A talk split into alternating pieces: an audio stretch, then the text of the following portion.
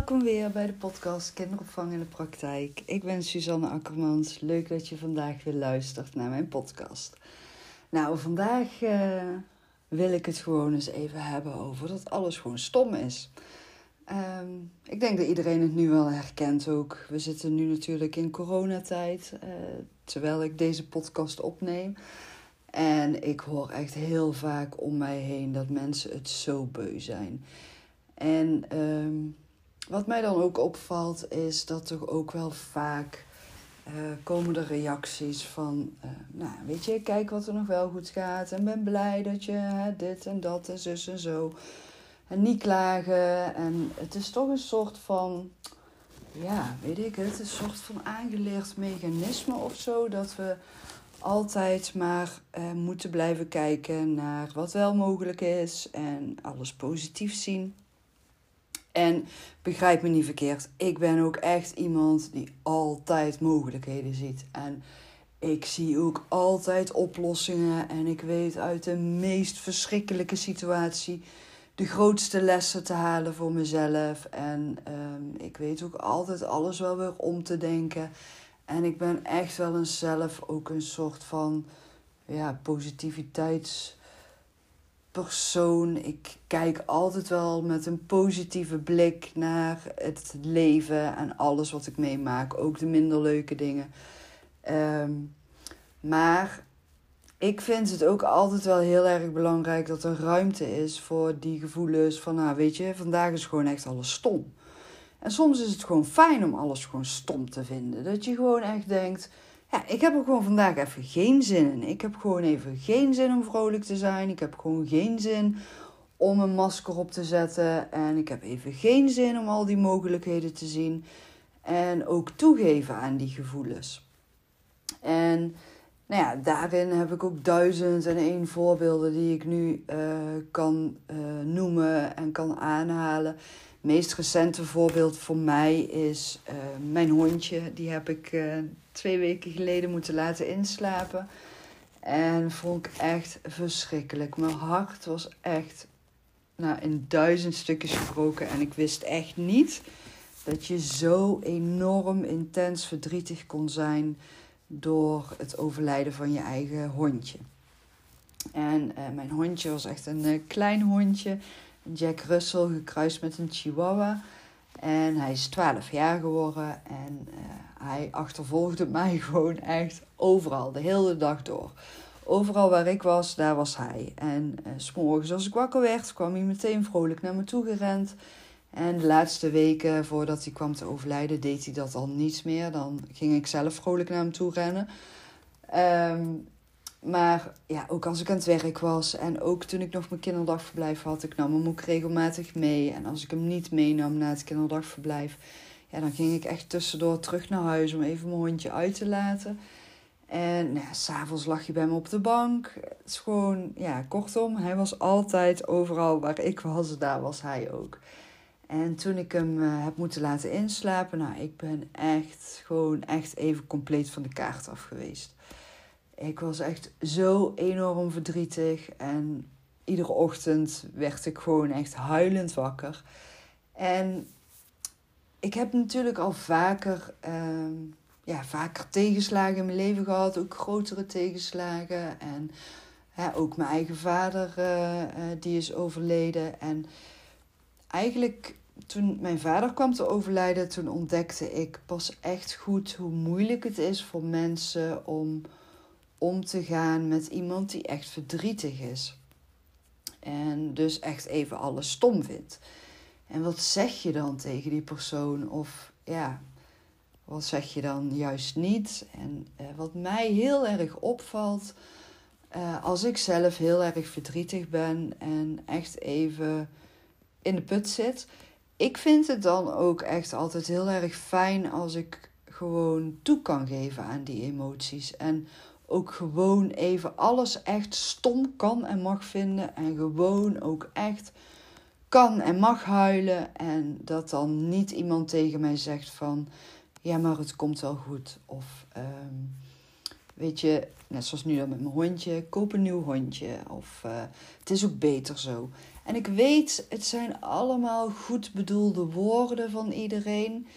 Maar ja, eigenlijk denk ik vooral dat het uh, heel erg ja, waardevol is als uh, we leren om te gaan met verdriet bij andere mensen. En ik denk dat wij heel erg gewend zijn geraakt en dat we altijd alles willen oplossen. Maar verdriet is niet altijd direct op te lossen. En als je um, ja, echt net iemand hebt verloren, dan hoor je ook vaak van ik zou willen dat ik iets voor je zou kunnen doen. Maar ik denk dat wij heel erg gewend zijn geraakt aan het oplossen en het doen. Maar soms is het juist gewoon heel erg fijn dat er iemand gewoon is. En die niks zegt en er gewoon is. En dat er iemand is die naar je luistert en waar je gewoon even je verhaal bij kwijt kan of even bij kan uithuilen of even samen bewijzen van een wandeling gaan maken. Um, en gewoon alleen maar praten over je verdriet. Soms is het ook gewoon echt nodig om daar de tijd voor te nemen en aan te geven. En ja, dan trek ik het nu dan ook wel weer door naar de kinderopvang en naar kleine kinderen en het opvoeden van kinderen. Ehm, ook daarin zijn we zo gewend om het verdriet maar op te lossen. Maar als je uh, gewoon echt troost biedt aan een klein kindje wat verdrietig is en je houdt het vast en je benoemt het verdriet van ben jij zo verdrietig en gewoon alleen maar vasthouden en gewoon begrip tonen en um, rondlopen of uh, misschien een sussend geluid, neurien, liedje zingen, maar niet het verdriet willen gaan wegstoppen maar het er gewoon, het mag er zijn en het troost geven. Dus weet je, huil maar even, dat deed pijn. Of huil maar even, het is niet erg. En als je dat weet toe te passen bij kleine kinderen en het verdriet kan benoemen vanuit wat je hebt zien gebeuren en vanuit het verdriet wat je ziet, dan zul je zien dat het uh, heel veel rust geeft in plaats van frustratie.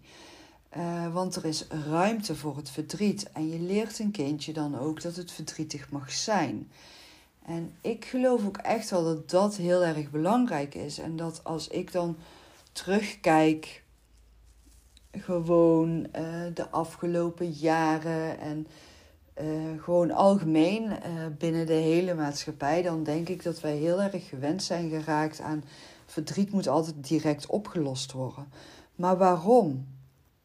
Ja, ik vind het zelf echt niet. Ik sta echt niet te juichen als ik verdrietig ben. Maar ik merk wel aan mijn eigen lijf dat het een soort van oplucht. Als ik enorm verdrietig ben en ik kan op dat moment niet mijn verdriet uiten, dan krijg ik altijd wel ergens in mijn lijf daar last van.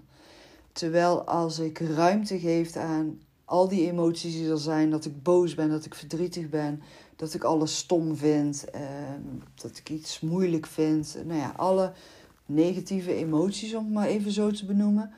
Dan, als je daar dan ruimte aan kan geven, dan merk ik gewoon dat het ook weer ruimte oplevert.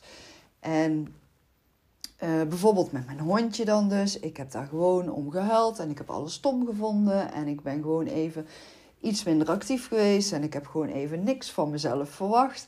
En ik merk gewoon, het levert mij zoveel ruimte op en zoveel rust op. Uh, ik zit gewoon nu weer lekker in mijn vel. Ik uh, kan er nu weer beter mee omgaan. Uh, natuurlijk zijn er nog momenten dat ik mijn hondje mis. En dan spreek ik ook gewoon uit. En rolt er dan een traan over mijn wang. Dan laat ik die er ook gewoon uitkomen. Maar ik merk ook dat ik nu alweer makkelijker daarover kan praten. En zo heb ik dat ook toen ervaren met het overlijden van mijn vader. Maar ik ervaar het ook zo wanneer ik met kinderen aan het werken ben. Uh, babytjes troosten. Uh, kleine kinderen die zijn gevallen of boos zijn. Uh, gewoon benoemen van, ja, ik zie dat jij boos bent. Het is ook gewoon niet leuk. Het is niet fijn dat dit is afgepakt van jou. Daar mag jij ook boos om zijn. En ja, waarom zou je niet mogen huilen? Waarom willen we het meteen oplossen? Ik denk dat het ja, echt wel goed is als je ook gewoon ruimte kan en mag geven aan verdriet en aan emoties die minder fijn zijn en minder leuk zijn.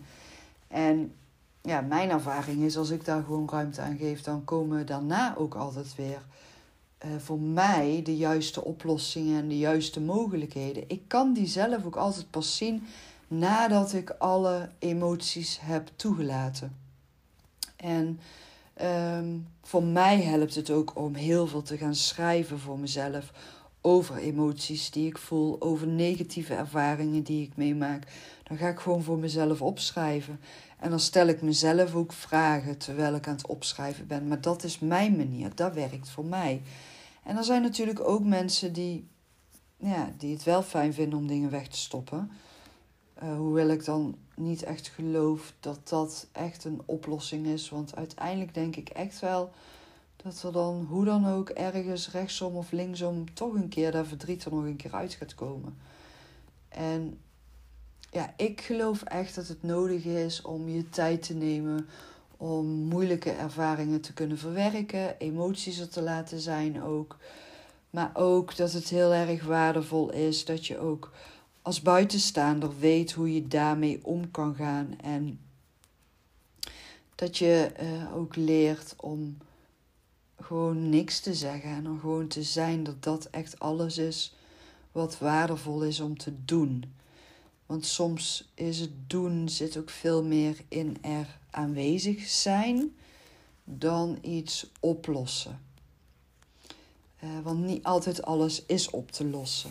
En um, ja, denk maar bijvoorbeeld aan mensen die ja, terminaal ziek zijn. Dan, dan kan je ook denken van ja, ik kan niks doen, ik kan het niet oplossen. Maar ook dan is het weer heel fijn dat je er bent en uh, ja, gewoon aanwezig zijn.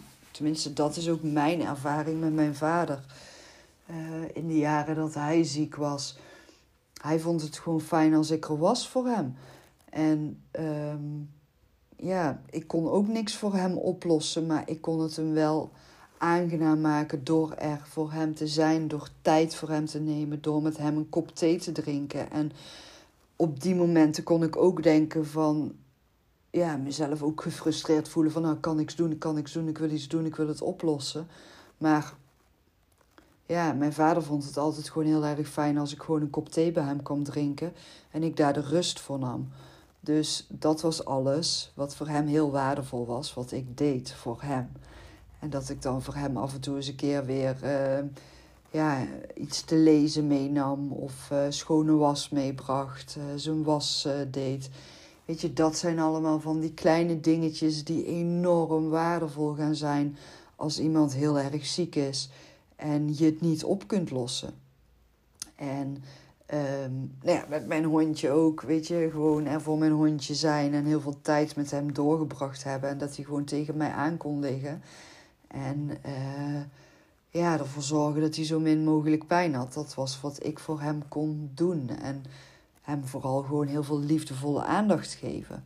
En dat zit niet altijd in woorden en iets wat je actief kan doen of iets oplossen. En ik merkte ook aan mezelf, ja natuurlijk, ik wilde er ook voor zorgen dat mijn hondje uh, niet kwam te overlijden. Maar ik moest ook uh, soort van accepteren en gaan uh, loslaten. En dat kon ik alleen maar doen door er echt de tijd voor te nemen en al het verdriet ook te voelen wat in me zat. En hem, hem dan ook weer een zo goed mogelijk afscheid te nemen.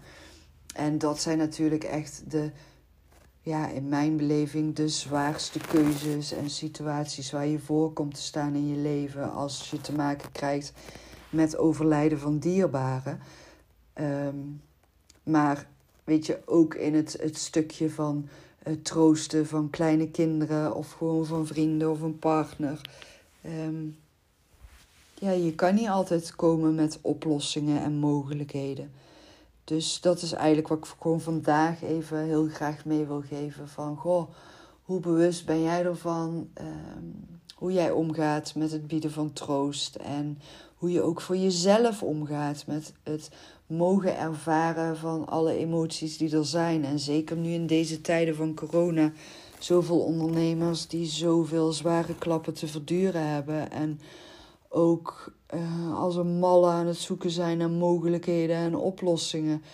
En waar heb je dan ook even dat moment genomen om stil te staan bij dat even jouw droombeeld compleet in duigen is gevallen en dat je daar gigantisch boos, verdrietig en machteloos door voelt.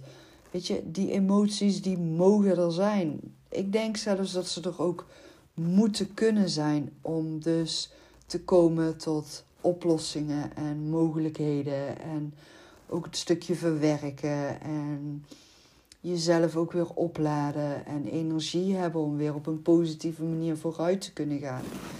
Uh, nadat je ruimte hebt gegeven aan alle negatieve emoties. Dus ja, dat is eigenlijk mijn boodschap van vandaag die ik gewoon mee wil geven aan, uh, aan jou als luisteraar.